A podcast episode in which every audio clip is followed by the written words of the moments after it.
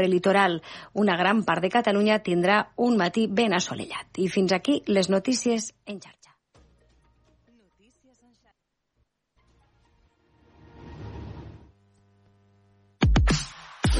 Aquest estiu, obert per vacances. Cada matí, de 9 a 11, a la teva ràdio local. Amb Manel Ferrer. Molt bon dia, què tal? Benvinguts a l'Obert d'avui dijous 31 d'agost del 2023, dia en el qual hem conegut una nova agressió homòfoba a l'Art de Triomfs de Barcelona. La Guàrdia Urbana ha detingut quatre homes per una agressió homòfoba i un robatori amb violència a un noi que passejava a prop de l'Art de Triomf de la ciutat. Els fets van passar la matinada de dimarts quan els individus es van acostar a la víctima i la van insultar fent referència a la seva orientació sexual. Posteriorment, la van sacsejar i van cometre altres actes vexatoris i finalment van prendre-li el telèfon. Amb aquesta ja són 210 les incidències per LGTBI-fòbia des de l'1 de gener d'aquest any a Catalunya. Potser que ens ho fem mirar. I avui també hem conegut que la inflació fa repunt a l'agost per l'alça del preu dels carburants. Els preus han pujat un 2,6% respecte al mateix mes de l'any passat, segons ha publicat aquest dimecres l'Institut Nacional d'Estadística. Així situa l'IPC tres dècimes per sobre del juliol i si la dada s'acaba confirmant suposa el segon mes consecutiu a l'alça. I us acabo explicant que les palletes d'origen vegetal i que fins ara han substituït les de plàstic, ara ens diuen que no són eh, més sostenibles que les anteriors perquè poden contenir substàncies tòxiques i que no són beneficioses ni per la salut ni tampoc pel medi ambient. Es tracta d'un grup de milers d'agents químics sintètics que, segons alerta l'Agència Europea del Medi Ambient, poden provocar malalties com ara afeccions hepàtiques, malalties de la tiroide, obesitat, problemes de fertilitat i també càncer. I avui a l'Obert per Vacances, a punt de tancar l'estiu, parlarem amb Sònia Amado, cantant del Yo Quiero Bailar i excomponent de Sònia i Selena. Descobrirem el cartell del Festival Acústica de Figueres i reflexionarem sobre aquest estiu tan accidentat. Avui, per cert, continuem cercant la nostra cançó de l'estiu. Quina és per tu la cançó de l'estiu? Digue'ns-ho amb una nota de veu al 628 841 055 i podràs guanyar 60 euros per gastar al bon preu esclat.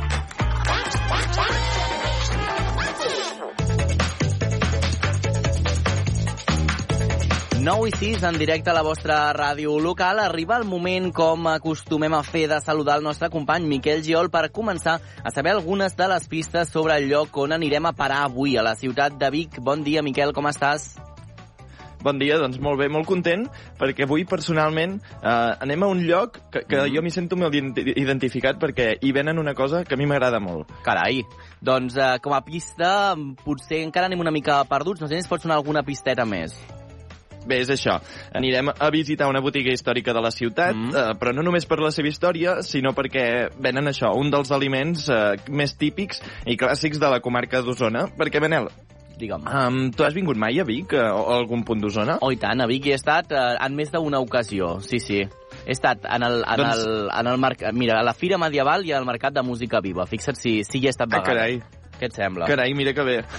doncs sí, sí, ja, ja, ja, ets, ja, ets, ja et coneixes Vic Oh, eh, com Premià de Mar, no? Mm, Tan bé no ho sé, Miquel, potser em faltaria passar-m'hi algun cap de setmana més, eh, però sí, sí, sí, ho conec, ho conec i m'agrada molt.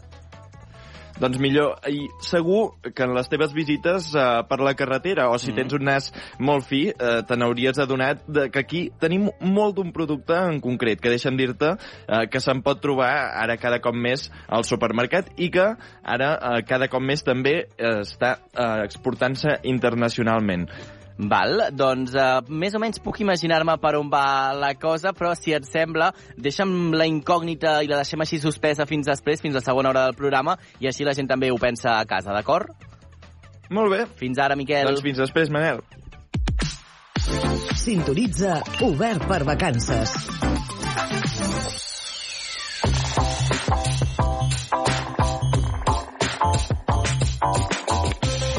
9 i 8. L'estiu és una època amb molta activitat a l'aire lliure, tant a mar com a muntanya, i això sovint porta a lligar eh, uns, eh, o llogar uns eh, riscos dels quals no en som del tot conscients. Aquest estiu ha estat especialment tràgic a mar, amb 23 persones ofegades, però també a muntanya, amb xifres de rescats clarament superiors a estius anteriors. Avui a l'Obert per Vacances en volem parlar amb aquells qui s'encarreguen d'aquests rescats, els agents del GRAE, el cos de bombers que hi està especialitzat. Bon dia, Sergi Corral, qui ens acompanyarà avui.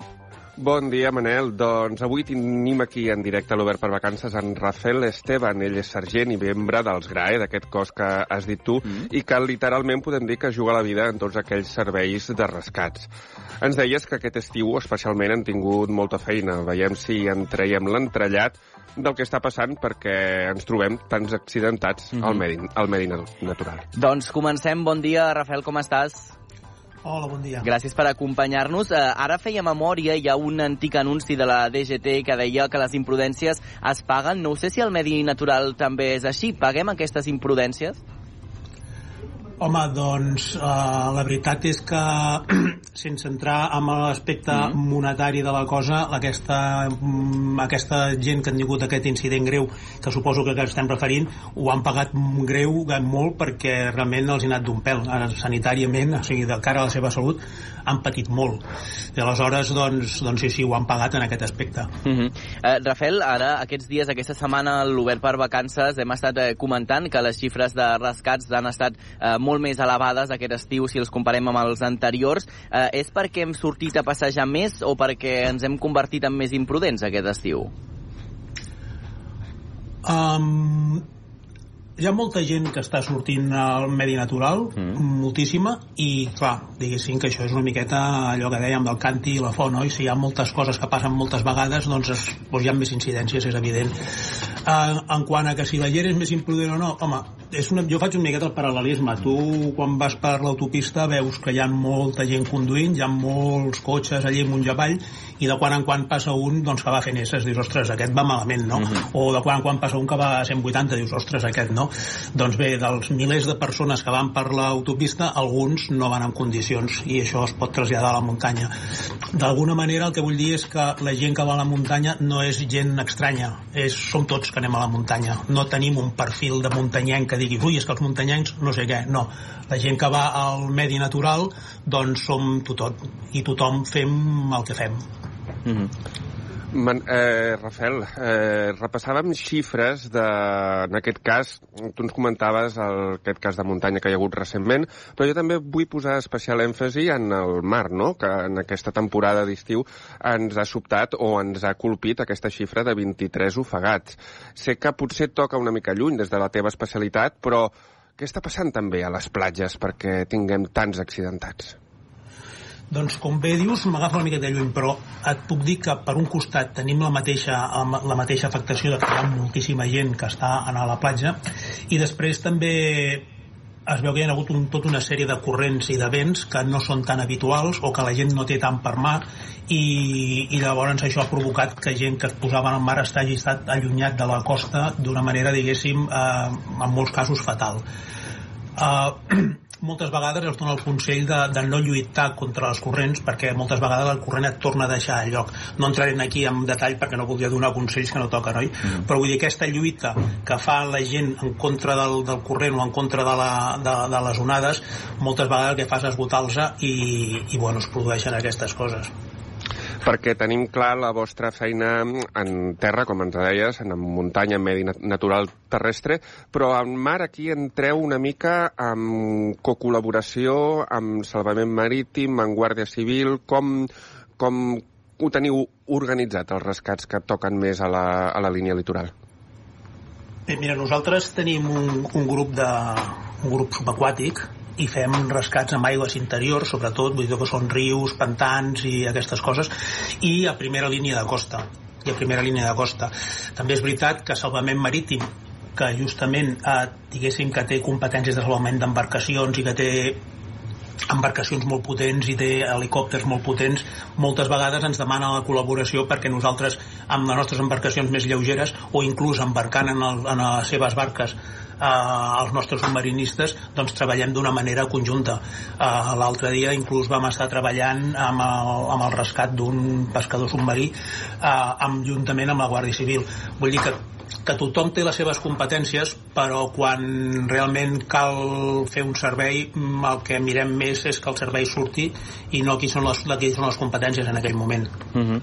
De fet, eh, fa un temps es va actualitzar el protocol de rescat i es va decidir que el cost del rescat havia d'anar a càrrec de la persona accidentada en determinats casos. Quins són aquests eh, casos i no sé si aquest procediment ja s'està aplicant?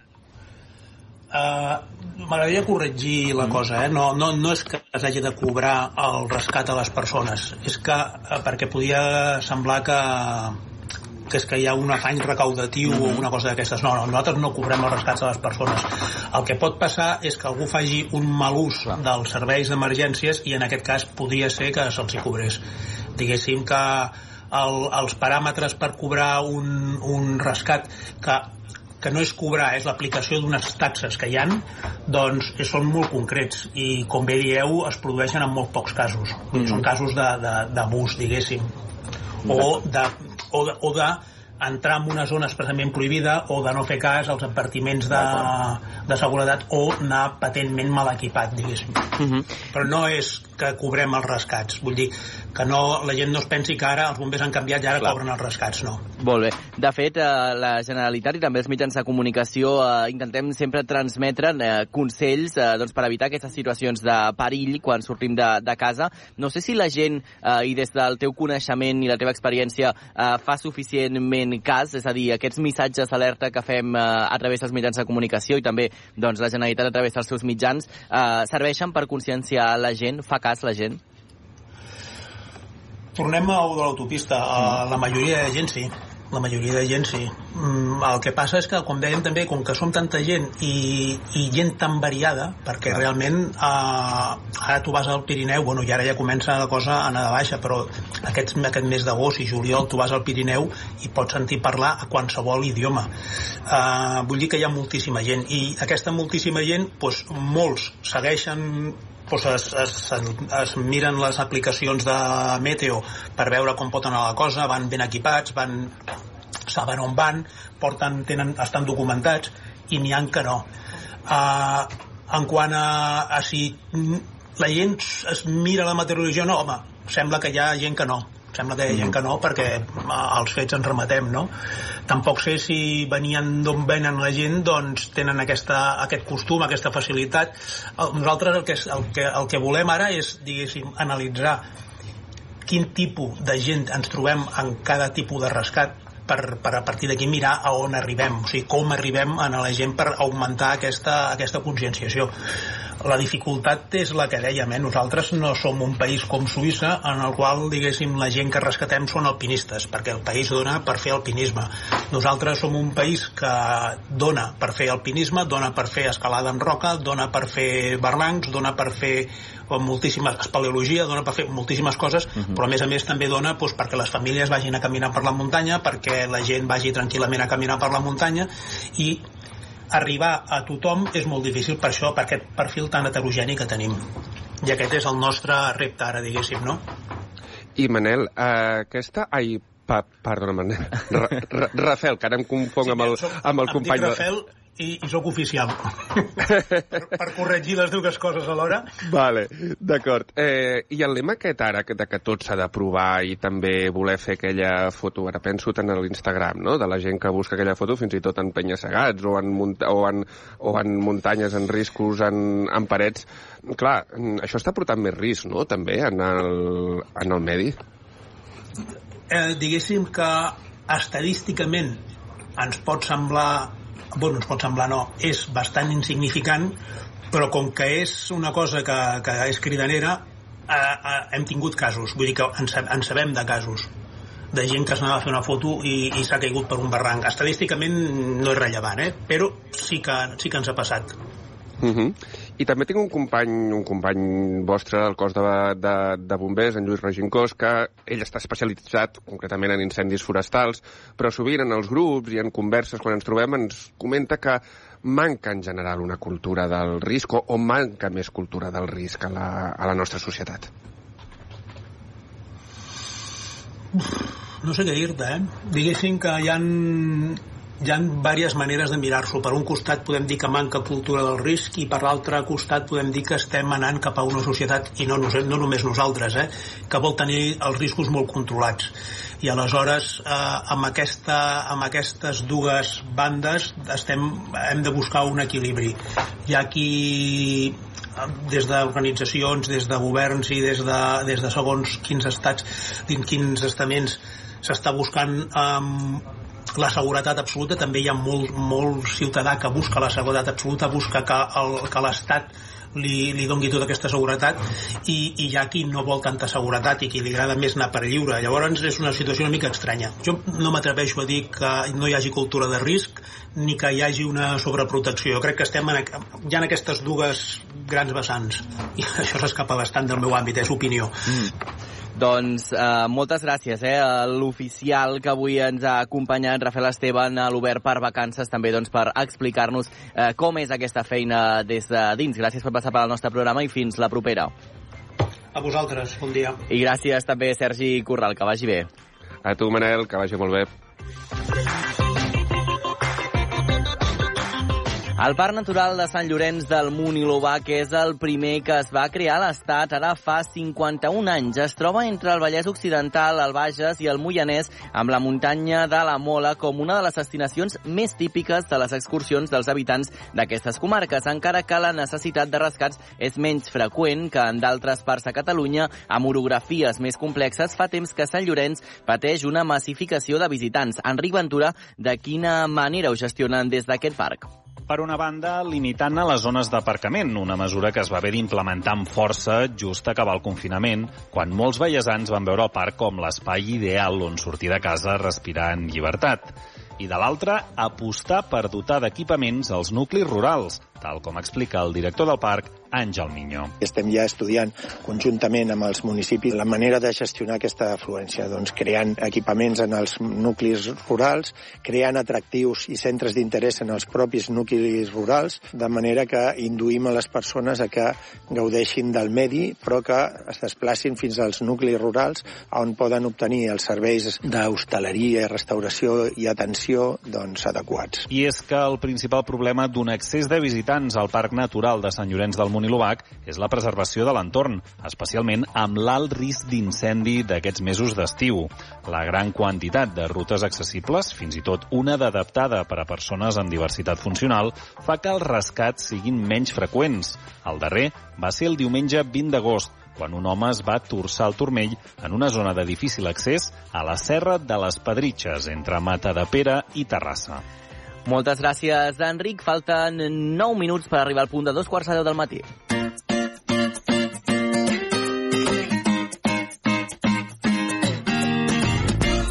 I avui us proposo fer un viatge a un estiu passat. A l'estiu del 2001, aquell any, totes les ràdios, festes, centres comercials, supermercats feien sonar sense parar aquesta cançó. Yo quiero bailar toda la noche. Baila, baila, bailando para La recordes, el duet Sònia i Selena arribaven a les nostres vides amb Yo Quiero Bailar en un moment on no existien les xarxes socials, va córrer com la pólvora i va conquerir les pistes de ball de tota Espanya, Europa i Hispanoamèrica, venent més d'un milió de còpies del tema i ja quedant-se a viure per sempre a les nostres vides. Avui, 22 anys després, que no són pocs, ens visita a l'Obert per Vacances la catalana Sònia Amado, que aquest 50% d'aquell duet. Sònia, com estàs, amiga? Hola, com estàs, Manel? Molt bé, molt rebé. Escolta, Sònia, hi ha molta gent que potser sembla una tonteria, però que no saben que tu ets catalana, o sigui, tu vius a Barcelona. Sí, sóc de Barcelona, de tota la vida. Catalana, catalana. Catalana, catalana. Escolta'm, sí, tots recordem sí, sí. aquesta cançó i la tenim molt present a les nostres vides, es segueix ballant, en seguirem parlant de com funciona aquesta tem sí. aquest tema d'actualitat, però com va sorgir tot plegat eh, el, el grup i també aquesta cançó que després de 22 anys segueix sonant encara. Bueno, pues mira, esta canción empezó porque mi productor, el Chasquiten, tenía esta fantástica idea, esta canción, y quería tener a dos chicas, a dos chicas que fueran tipo como la Paola Chiara en español.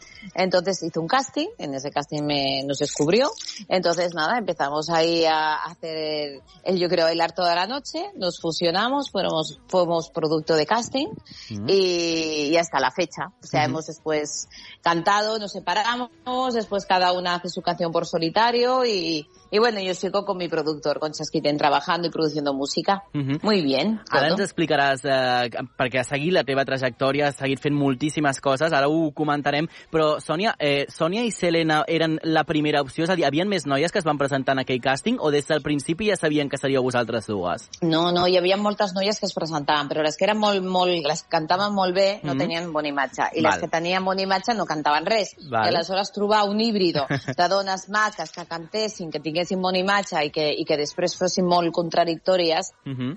la- l'una en l'altra, que eren la rosa i la morena, o la la rosa, Sí. una més llatina, una, una altra més nòrdica, que ballessin, que fossin maques, que cantessin, bueno, tot, tot Mhm. plegat, doncs va ser així, no? Una, una recerca fins que van trobar aquí el xum, ¿sabes? Clar, i a, aquella feina, eh, Sònia, va ser, perquè clar, va ser la, la feina que us va portar a l'Estrellato, però era la teva primera feina en el món de la interpretació de la música o tu ja treballaves de, en aquest sector? Jo ja treballava, jo feia, estava de, de model, de model de fotografia, feia Mhm. també de doble de la Pamela Anderson i també vaig estar fent maxi singles de música dance al, Sí. a l'època del 90, vaig treure dos i bueno, vaig, ja, ja estava ja al, al moment escenari, moment de, de l'actuació, de, Mhm. de, de gravar un disc i bueno, va ser una experiència molt maca, però realment jo, jo vaig disfrutar més al 2000 con el Chasqui, Mhm. con la canción del Latina, el Yo Quiero Bailar, porque lo que había hecho hasta la fecha anterior era música bacalao, Mm. ¿sabes? Maquinorra, que a mi no em feia el pes, però bueno, era una oportunitat i gràcies a aquesta oportunitat vaig, a, vaig adquirir experiència, eh, ganes i, sabi, i sabia una miqueta el que m'agradava, no? Mhm. I bueno, tot, todo es, todo suma i todo es un Oh, i suma tant, sigue, que suma, ¿sabes, i, Manel? i ara és una gran eh, artista. Uh, Sònia, mm, vosaltres sabíeu uh, que aquesta cançó triomfaria des del principi? És a dir, què creus que tenia aquella cançó, o que té aquella cançó encara a dia d'avui, que fa que la gent se la sàpiga, es conegui la coreografia? O sigui, ja imaginàveu l'èxit que tindria?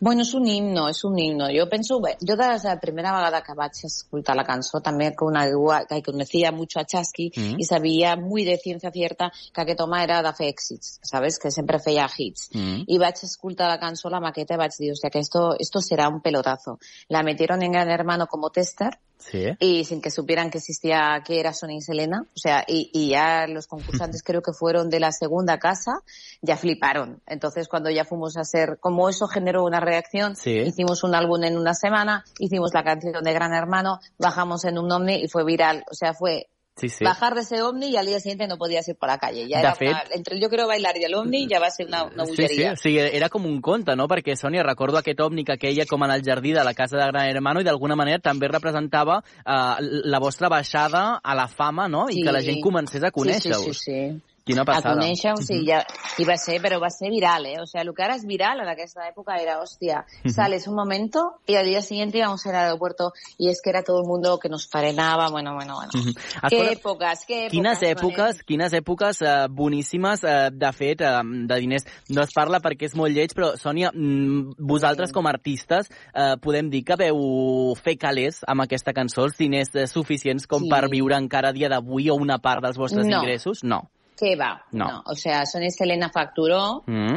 Hicimos dinero, evidentemente, porque en esa época se vendían discos y se hacía mucho bolo, pero evidentemente para vivir toda la vida no. Yo lo que, con lo que gané me monté un negocio y Mm. ya el negocio después lo cerré y después he estado teniendo una vida muy normal, eh, treballant també de la música i de vegades fent també altres coses porque la música no es, o sea, no es la panacea. Ahora sí que llevamos unos años muy buenos con los Macor Festivales, Mm. que ahora sí que se puede decir que, que vivo de, de la música, pero he tenido temporadas que, que he tenido que estar fluctuando entre eh, alternativas y bueno, es así, la música es inestable hasta que das con el con el hit o te mantienes porque tienes detrás un sello, etcétera, etcétera. Y ahora no hay sellos discográficos, ahora el artista se hace muy independiente, a no ser que seas una multinacional. Pero bueno, ahí está la lucha, que cuando alguien quiere algo lo persigue, lo consigue. Oh, i tant. ¿sabes? Ara parlarem també de l'actualitat dels eh, teus projectes, però és veritat el que deia, Sònia, fora de, de, de la ràdio i dels mitjans som amics, i és veritat que tens una vida com molt normal, és a dir, tens el teu piset, tens Sí. el teu cotxe, és a dir, ets una noia molt, molt treballadora. Molt normal. o molt normal, sí. no? És a dir, al, al final la En gent et coneix molt molt normal. amb un cotxe molt normal, és veritat? Sí, que ja el coneixes. tu, Exacte, sí, exacte. Sí, Sí, una vida com molt normal, però, Sònia, jo crec que Molt va arribar un moment de la teva vida, no sé com ho vas gestionar, el fet de que us coneguessin a tota Espanya, però també a tota Europa i a tots els països llatins. Sí. No sé com vas gestionar aquella fama en aquell moment eh, de que tothom sabia qui eres i que tothom conegués la teva cançó. No sé com ho vas portar, allò. Bueno, es una cosa muy rápida que tal como aparece, pum, Mm. ocurre. Mm? Y entonces va a ser muy rápido, muy, muy agradable y, y te acostumbras muy rápido. O sea, es como, no sé, yo no sé si es que como por decreto estaba yo muy asimilado que eso iba a ser viral o que me iba a hacer famosa, que fue todo muy rápido. Y también, evidentemente, también la gente somos así. A la que dejas de salir en la tele, la gente se olvida también muy pronto Claro. de ti. Ujú. Entonces tuve que asimilar muy rápidamente el subidón, después el silencio y después el mantenerse y el saber qué es lo que quiero y cómo voy a llegar a eso. Entonces, la- a base de, de- de escucharse a uno mismo, de trabajar, hice muchas producciones musicales después intentando cambiar el, el estilo musical y me di cuenta que no, que si quería estar en la música tenía que alegrar al mundo. Pues ¿cómo? Ujú. Pues con música esta, latina, de diversión De fet, eh, y hasta que volví a encontrar mi camino. el teu camí. De fet, eh, Sònia, molta gent podia pensar al principi de la vostra carrera que seríeu eh, dues noies que al final la indústria faria amb vosaltres una mica el que volguessin, no? Vivint de la vostra Mm. imatge, però en el teu cas tu ets una persona molt exigent amb tu mateixa, amb la teva Sí feina, amb el resultat de la teva feina, i ara tu mateixa eh, treballes les teves pròpies cançons, lògicament, amb el teu productor, eh? Però tu mateixa t'involucres Sí. amb els teus nous temes, amb totes les Sí. cançons que surten, les escrius, les redactes, penses en el videoclip, és a dir, eh, t'has posat molt tot. en aquest món i fas totes, Sí. tots els papers de l'auca, podríem dir, no?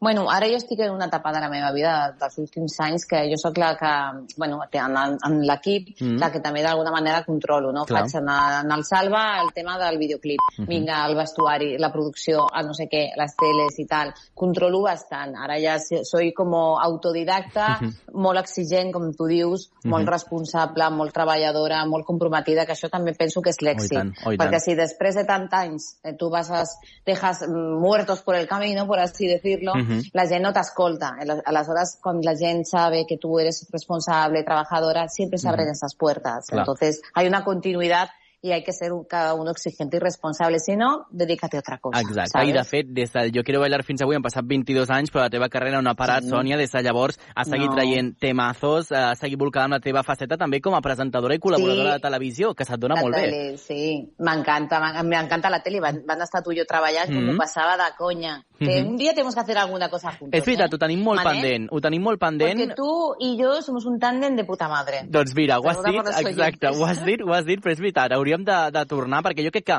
Sònia, el, el, la tornada que tothom espera no és el de Sònia i Selena, sinó que és el de Sònia i Manel, que és la, la, la Eita, tornada que tothom i vol. I a més que tu cantes i balles també, És veritat, les bueno, meves, coreos. Jo és veritat que canto amb tu, la intimitat ho faig molt malament, però no tinc vergonya, ja ho saps, de dir que m'animo moltíssim. Escolta'm, Sònia, ara estàs com eh, centrada en la projecció també de la versió del Yo Quiero Bailar en versió italiana, Italiana, jo vull ballar. però on has sí. après a parlar italià? Això no ho sabia, jo. Bueno, jo ja feia temps, vaig estar unes, uns anys vivint a, a Itàlia Mhm. i aleshores m'agrada molt l'italià. A mi el concepte Itàlia és- està molt xul i tal, no? Mhm. I és veritat que en l'època de Sonia i Selena, Itàlia va ser un, una, una ciutat, un país que va, que va triomfar molt, tant el Deja que mueva com el Yo quiero bailar. Uh -huh. I aleshores van treure el tema i va, ha estat funcionant molt per Milán i per Roma. Però encara no he anat eh, a, a Itàlia. I eh, tens a pensat fer potser una mica de gira o de tour per Itàlia? M'agradaria, el que passa que, bueno, de, de moment va ser un tester de, Mhm. de treure la cançó, també per, a, per al públic també espanyol, que, que, Mhm. sí, que, que parezca que no, és una, és una producció italiana, però també feta per aquí, per Espanya, perquè li agradi una miqueta i, i tenir un contenido, ¿no? Y después del el Yo Quiero Bailar con Jorge Javier, que hice del 20 Sí. aniversario, pues este me apeteció. Home, doncs és Sin brutal más. la cançó, el videoclip també, és a dir, la, és que la imatge també que acompanya les cançons és tot molt espectacular. De fet, eh, Sònia, la teva vida, tu sempre has estat com, has intentat preservar sempre que has pogut la teva privacitat al màxim, no? No hem Sí. conegut moltes de les teves eh, parelles. Sí que, hem sí que hem pogut intuir alguna parella, però no perquè tu ho expliquessis als mitjans de comunicació, Sí. perquè has estat amb gent famosa i amb gent anònima, i per tant ho Sí. podies tenir molt fàcil el fet de caure en el món dels realities i de començar a fer televisió venent una mica més la teva vida personal, però sempre ho has rebutjat, inclús, crec jo, eh, en moments que potser sí que t'hauria fet falta diners, no? Sí. sí, però no m'agrada. A mi això de, de, de, del tema reality, mira, aquest any em van proposar a Bulldog, em Mhm. va trucar Bulldog para Supervivientes, però jo Supervivientes és un reality que jo no puc. És, mm Mhm. és demasiado para mi. I l'altre també que era de la, aquest, aquest de, com era? De, de la casa de, Sí. de, de la granja. O Sí, no sé sí, sí, sí. Però a mi, a mi el tema reality, hosti, és, és, jo no estic preparada per això, no m'agrada estar exposada, com tu dius, que em Mhm. coneixes, en una casa, problemes, líos, gent que surt per parlar de tu de fora, uf, Mhm. me da pereza. O sea, a mí me agrada el reality para yo entretenerme en mi casa, Clar, clar. no para yo entretener a la gente, ¿sabes? Home, totalment. De moment no. De moment de no. moment no, Manel. Però I mai se sap, no? O què? Y que te atent... Mm, mira, tú ya lo has dicho. Has visto que me han tentado muchas Sí. veces y en momentos que a lo mejor no he estado on fire Mm. y no, y no. Pero bueno, nunca se sabe, pero no es mi objetivo. No es mi objetivo principal, pero nunca se puede decir que no. Porque Claro. decir eso sería mm, cerrarte puertas, Claro. y cerrarte cosas, ¿sabes? Ujú. Entonces no sé. De Ujú. momento no sé. Home, això és meravellós, però si suposo, Sònia, que amb tota la trajectòria que tens musical, si t'oferissi, per exemple, ser jurat d'un programa musical a la televisió, això seria Ah, eso genial. sí. Ser jurat, sí, cantar un programa como, como hice con el Media Fest que, va- que hice de Xuxa, Mhm. trabajar un millón en tu cara me suena, tanto cantando como de jurado, eso fenomenal. Mhm. Lo que es la convivencia de- del cirqueo, del salseo, sí.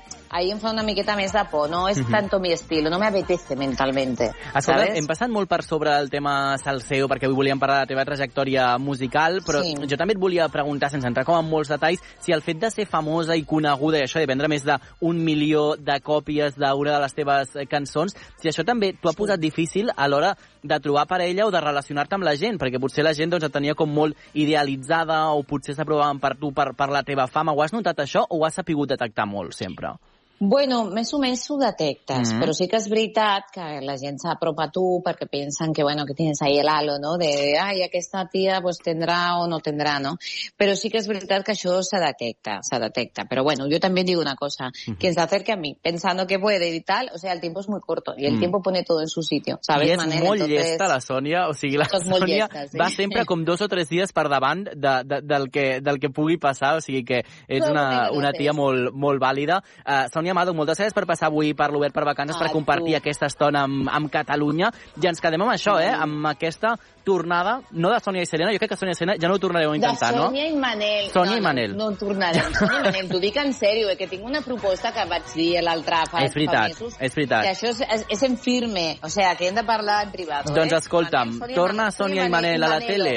Bueno, doncs ho veurem, ho veurem. Sònia Amado, A mi guapa. m'agradaria. Tant de bo que sí. Tant de bo que sí. Vale, Sònia, guapa, moltíssimes gràcies. Que vagi molt bé. Fins la propera. Adéu, adéu. Moltes gràcies. Adéu.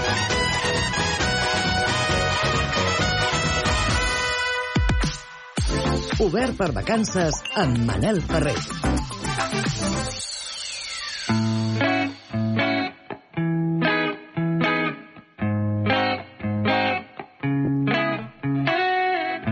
Passen 6 minuts a dos quarts de 10 del matí. És el moment de recuperar i de conèixer unes noves lectures d'estiu. Lectures d'estiu, per cert, que trobareu a la xarxa més. Els responsables del Mengem Cultura, la viatgeria i Calonja Còmics recomanen àpats, l'art i la cultura de menjar i beure a Catalunya d'Alba Sunyer i Clara Antúnez, cuinar amb flors de Yolanda Bustos i Comer Juntos de Jaime Oliver. També Paraíso d'Abdularak eh, Gurnak i Bombers de Bartolomé Seguí. Lectures d'estiu des de Calonja, Poble de Llibres.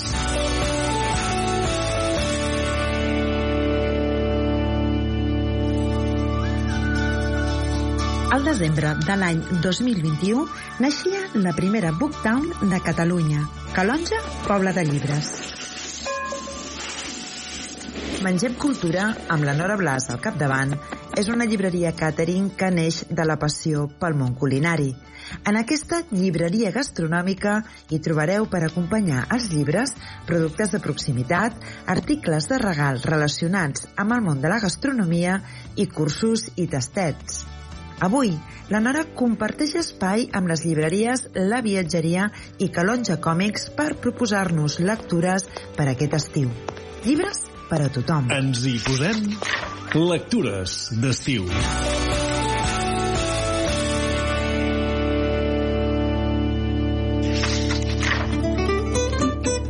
A part de vendre llibres de cuina, també tenim una mica de servei de bar per fer un tas de vins, de formatges... Per començar, jo recomanaria Àpats, que és un llibre de la típica cuina catalana. Tant l'Alba Sunyer com la Clara Antúnez han fet un recull de tota la cuina catalana típica tradicional i la veritat és que està molt bé i a sobre és un llibre que entra molt a la vista, o sigui que per un llibre de cuina normalment ha d'entrar bastant a la vista.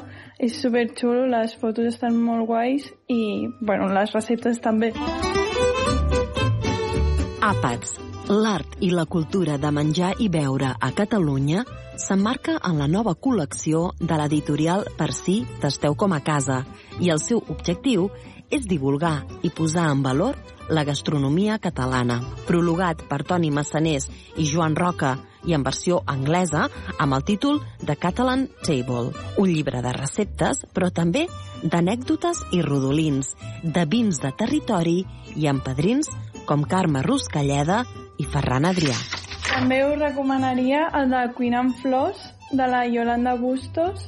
Normalment les flors s'utilitzen per decoració i tal, i ella pues, també ens explica les propietats que tenen aquestes flors, algunes receptes amb què combinar-les, o sigui que no només és un, un element de decoració, sinó que també ens pot beneficiar bastant i a part de, va també per temporades, quines flors van millor per quina temporada, receptes i molts consells també.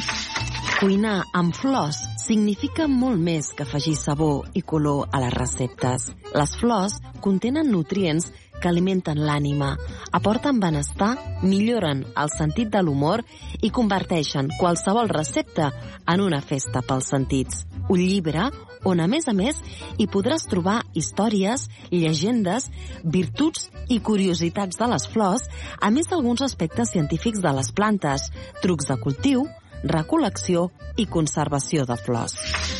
El Jamie Oliver és bastant més conegut, però igualment fa una molt bona feina en tots els seus llibres. Fa receptes per gent que està aprenent a cuinar, amb ingredients molt fàcils que es poden trobar perfectament a casa i ràpides de fer. Per exemple, a l'Uno és que només es fa amb un recipient, o sigui que no, no es necessita gaire res. Bueno, ja a l'Uno el bec que és per persones que, bueno, vegetarianes i tal, o comer juntos que també és per tota la família. Bueno, són receptes fàcils i també amb molta foto que ho, fa, ho facilita tot bastant.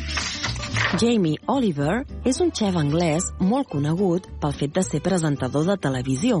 És també autor de diversos llibres de cuina. Uno destaca pel fet de cuinar amb un sol recipient, amb un màxim de 8 ingredients i on hi trobarem més de 120 receptes senzilles de preparar, des d'esmorzars fins a sopars i per tota la família podrem cuinar i assaborir el pastís tou de croissants o un pastís d'albergínia Hasselback. Lectures d'estiu.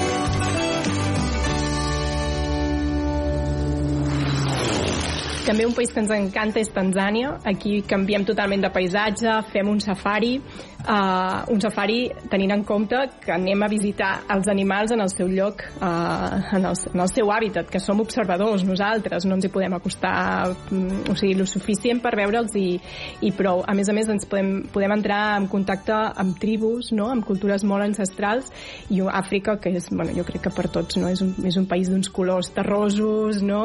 que, que ens transporta també altres, altres moments de la, de la història. I com a llibre per recomanar Tanzània eh, hauríem de situar-nos a, Zanzíbar, que és la illa semiautònoma que, que pertany a Tanzània i en aquí tenim un autor que és clau, és el Premi Nobel del 2021, l'Abdul Razak Gurnah. I aquí sí que mm, jo prefereixo recomanar Paraíso, que és un llibre en el qual eh, parla de la colonitza dels colonitzadors, de tot el, el mal que han fet sobre Àfrica i tots els costums que han imposat. I nosaltres, ara quan hi viatgem, és com a turistes també estem imposant uh, una sèrie de tradicions, una sèrie de formes de fer a l'Àfrica que hem de ser conscients de que hi ha i que, en quina part d'influència fem nosaltres. I, i en Paraíso és una bona reflexió. Sí, escoltem com sona la seva lectura. Empecemos por el niño. Se llamaba Yusuf y cuando tenía 12 años tuvo que abandonar su hogar de manera repentina. Recordaba que era época de sequía y que cada día era igual al anterior. Las flores morían apenas brotaban. Extraños insectos salían de debajo de las piedras para retorcerse hasta morir bajo la luz abrasadora. El sol hacía que los árboles lejanos temblasen en el aire y que las casas se estremecieran y jadearan con dificultad. Con cada pisada, una nube de polvo se elevaba y una quietud agobiante se cernía sobre las horas de más calor. Momentos precisos como estos acudían a su memoria cuando menos se lo esperaba. Lectures d'estiu.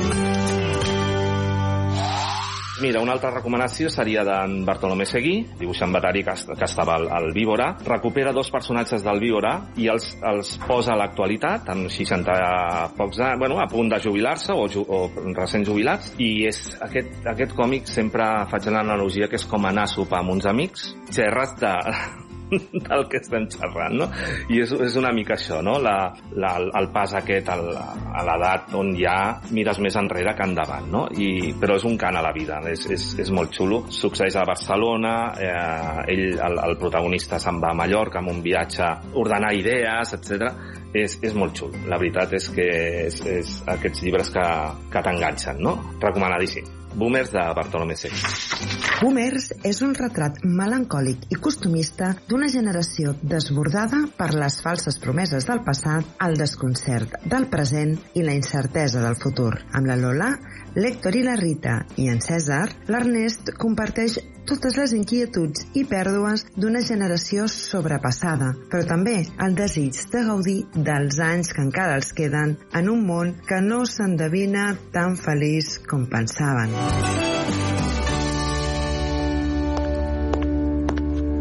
Àpats, l'art i la cultura de menjar i beure a Catalunya de l'Alba Sunyer i Clara Antonet, publicada per Persir Edicions, Cuinar amb flors, de Yolanda Bustos, publicat per Cossetània, i Uno, Bec i Comer Juntos, de Jamie Oliver, publicat per Grijalbo, han estat les recomanacions de Mengem Cultura. Paraíso, d'Abdur Razak Gumà, per viatjar a Tanzània, publicat per Salamandra, ha estat la recomanació de la viatgeria. Boomers, de Bartolomé Seguí, publicat per Salamandra, ha estat la recomanació de Calonja Còmics. Lectures d'estiu us ha acompanyat amb diversitat de recomanacions des de Calonja Poble de Llibres. Llibreteres i llibreters han compartit amb vosaltres històries per als més grans i els més petits. Llibres plens de vida, reflexions, humor i amor. Alguns quedaran per sempre a la vostra memòria i a les vostres lleixes. I les propostes d'aquest Book Town de Catalunya sempre les podreu recuperar al Xarxa Més. Bona lectura. Lectures d'estiu des de Calonja, Poble de Llibres.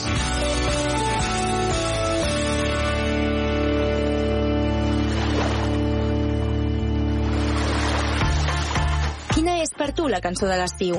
Digue'ns-ho amb una nota de veu al 628 841 055 i podràs guanyar 60 euros per gastar al bon preu esclat.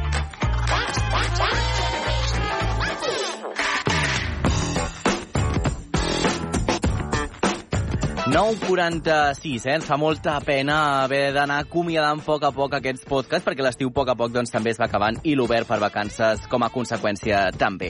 És el moment de conèixer unes noves històries de Barcelona. A més de totes les evidències sobre el canvi climàtic i la meteorologia extrema que comporta, hem de tenir en compte que nosaltres vivim al vell mig de la zona mediterrània i que aquesta part del món ja és característica per situacions irregulars que poden passar de la sequera als aiguats més forts. Fa uns segle i mig, l'any 1862, Barcelona va patir un d'aquests episodis de pluges excepcionals amb conseqüències molt greus sobre una ciutat que era molt diferent a la que coneixem avui. Ens ho explica el David Martínez en l'últim episodi d'aquesta temporada d'Històries de Barcelona. Al llarg de la seva història, Barcelona ha patit diverses catàstrofes naturals. Una de les més oblidades van ser els grans aiguats que van viure la ciutat l'any 1862. Aquesta és la història del diluvi que va inundar la Rambla.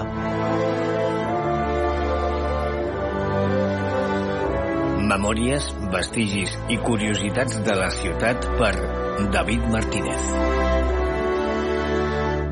Històries de Barcelona.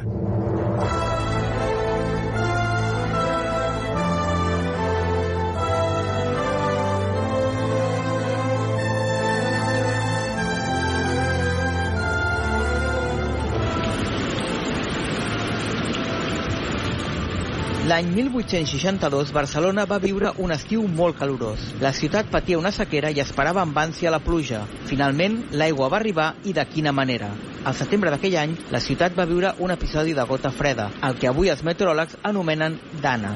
Es tracta d'un fenomen que acostuma a anar acompanyat de pluges torrencials. Durant la primera quinzena de setembre de 1862 va ploure pràcticament cada dia a Barcelona, uns aiguats que aviat van tenir conseqüències, tal i com informava el diari de Barcelona el 12 de setembre de 1862. Ayer tarde cayó sobre esta capital un terrible aguacero que convirtió las calles en verdaderos torrentes. Habiéndose desbordado las aguas de la riera d'Ammalla por la fuerza de la corriente, penetraron en el portal del Ángel e inundaron algunas casas. Esta mañana se estaba trabajando en poner transitable las calles cuyo paso estaba obstruido por fango y gran número de troncos y piedras.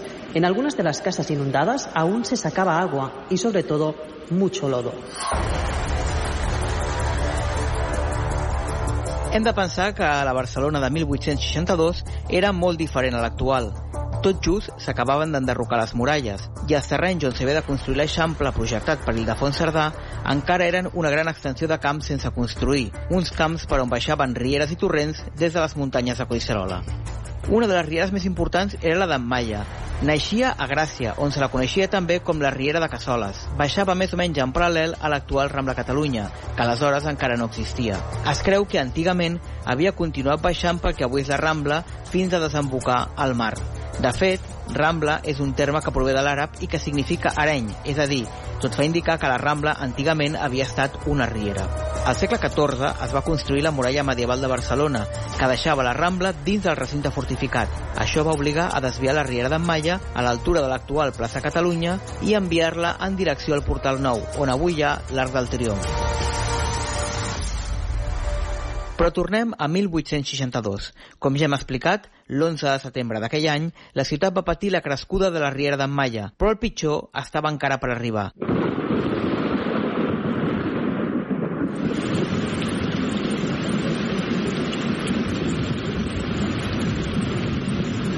Tres dies més tard, el 14 de setembre, a les 9 de la nit, va començar un intens aiguat amb llamps i trons que va durar fins a les 11 del matí de l'endemà. Un autèntic diluvi que va deixar 108 litres per metre quadrat a la ciutat. El dic de la Riera d'Ammalla, a l'actual plaça Catalunya, es va trencar.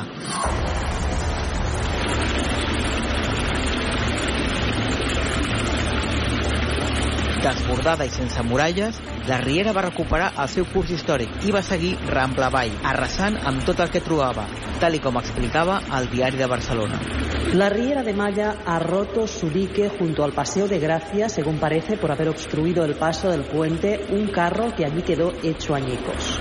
Sus aguas se han abierto paso por los antiguos fosos y ha entrado por la Rambla formando una espantosa riada que ha arrastrado el kiosco de bebidas de la Rambla y las mesas de frutas del mercado de la Bucaría. La fuerza del agua era tal que arrancó gran parte del asfalto de las aceras, doblándolo como si fuera de cartón.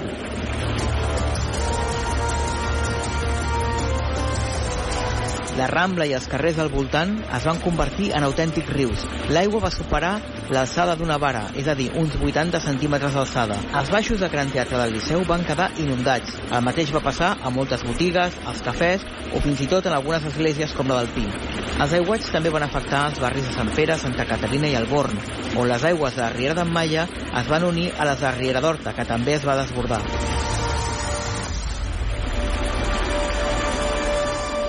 De tot aquell diluvi en tenim un testimoni excepcional, Hans Christian Andersen. L'escriptor danès, conegut sobretot pels seus contes infantils com La Sireneta, El soldadet de plom o La Neguet lleig, va publicar també diversos dietaris dels seus viatges. Andersen va arribar a Barcelona a principis de setembre de 1862 per iniciar un viatge de quatre mesos per la península. Allotjat a la Font d'Oriente, a la Rambla dels Caputxins, va veure la riuada de la Rambla a primera fila, des del balcó de la seva habitació. Va relatar-ho, un temps després, al seu dietari de viatge. Des del meu balcó vaig veure com els carrers empedrats de la Rambla eren un creixent i aclaparador riu. La carretera va quedar totalment aixecada, les tanques rebentades, els arbres arrencats d'arrel per l'ímpetu de la llau. Les aigües que baixaven tenien color cafè amb llet. Arrossegaven les casetes de fusta, les mercaderies, els carros i tonells, tot el que trobaven al seu pas, carbasses, taronges, taules i bancs van sortir navegant. Segons les cròniques de l'època, oficialment només es va registrar una víctima mortal a la Rambla, un home que, empès pel pànic, va baixar del carruatge que circulava pel passeig i va ser arrossegat pel corrent d'aigua. Tot i això, és possible que hi haguessin moltes més víctimes, tenint en compte el relat que en va fer Hans Christian Andersen. Tot eren crits i corredisses. Dins de les botigues es movia la gent amb l'aigua fins als malucs. Els homes més robustos van llançar unes cordes enganxant-les als arbres de manera que les senyores tinguessin on agafar-se. Tot i això, vaig veure com una dona era arrossegada per la corrent. Es van aixecar les tapes de les clavegueres per evacuar l'aigua, però no es va solucionar gran cosa. Al contrari, va provocar encara més desgràcies. Vaig saber que diverses persones havien desaparegut absorbides pels remolins. Els aiguats no només van afectar Barcelona. El riu Llobregat, per exemple, es va desbordar i va inundar part de l'Hospitalet. Poblacions com Horta, Gràcia i Sarrià, que aleshores eren pobles independents, també van quedar incomunicades de Barcelona perquè les carreteres eren impracticables. També es van veure afectades diverses línies del ferrocarril, com el tren a Martorell o a Mataró. Així resumia el diari de Barcelona els efectes d'aquells aiguats. La catástrofe que el agua ocasionó ayer en Barcelona no tiene ejemplo en los anales de la ciudad condal. Por la tarde, el aspecto que presentaba la ciudad daba verdaderamente lástima. Las calles inundadas estaban cubiertas de una espesa capa de lodo. Los vecinos se las ingeniaban para sacar el agua que tenían en los sótanos. Nunca habíamos visto trabajar tantas bombas a la vez. En las aguas del puerto se recogieron pollos, panes, melones y otras frutas que la corriente había arrastrado. Malgrat tot, sembla que Hans Christian Andersen no es va endur una mala imatge de la ciutat. De fet, quan va tornar al seu país, va fer una crònica molt favorable de Barcelona, especialment dels seus cafès, dels que va assegurar que eren fins i tot millors que els de París.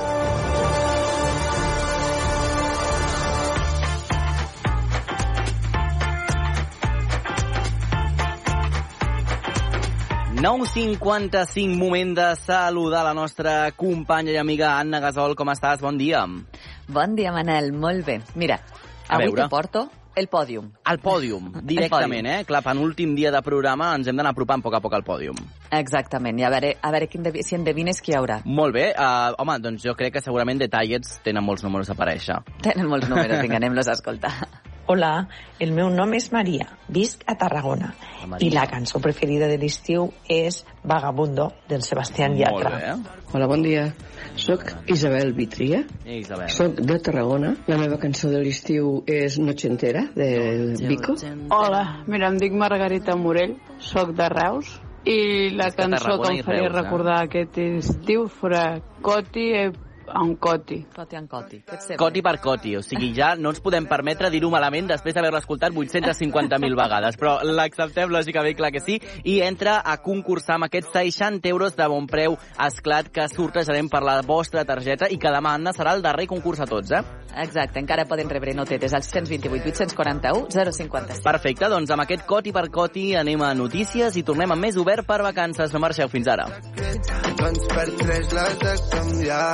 No em vull La xarxa de comunicació local.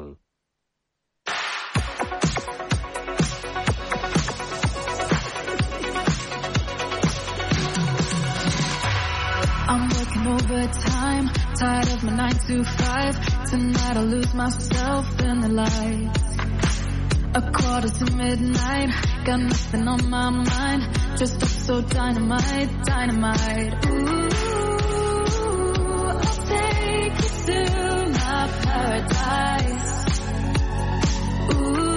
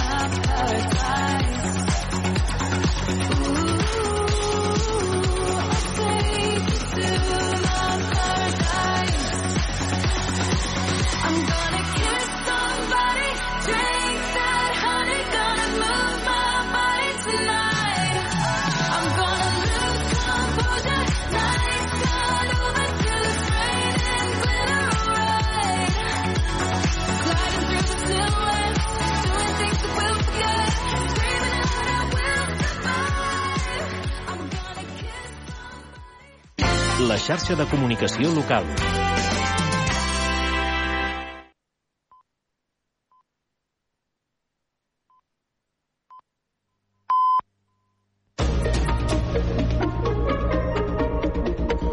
Notícies en xarxa. Bon dia, són les 10, us parla Pili Garcia. La signatura d'hipoteques sobre habitatges es va desplomar un 23,2% durant el juny a Catalunya respecte al mateix període de l'any passat. En un context de pujada del tipus d'interès, el tipus mitjà dels nous préstecs es va enfilar fins al 3,19 de mitjana, nivell més alt des de l'abril de 2017, és a dir, dels darrers 6 anys. I l'Ajuntament de Barcelona ha ofert 27 solars municipals a Incasol per poder-hi construir 1.764 habitatges públics. Aquests 14 solars són de disponibilitat immediata, mentre que els 13 restants estarien disponibles al llarg del mandat. L'anunci s'ha produït després de la reunió entre l'alcalde de Barcelona, Jaume Collboni, i el president de la Generalitat, Pere Aragonès, en el marc de la ronda de contactes del president amb els principals alcaldes del país. Tots dos representants han celebrat el pas important cap a la construcció de l'habitatge públic protegit a Barcelona. I els Mossos d'Esquadra estan efectuant diverses entrades i escorcolls en domicilis al barri de la Grípia de Terrassa per fets relacionats amb drogues. L'operatiu, per un cas de salut pública, està en curs i de moment s'han fet entrades en dos domicilis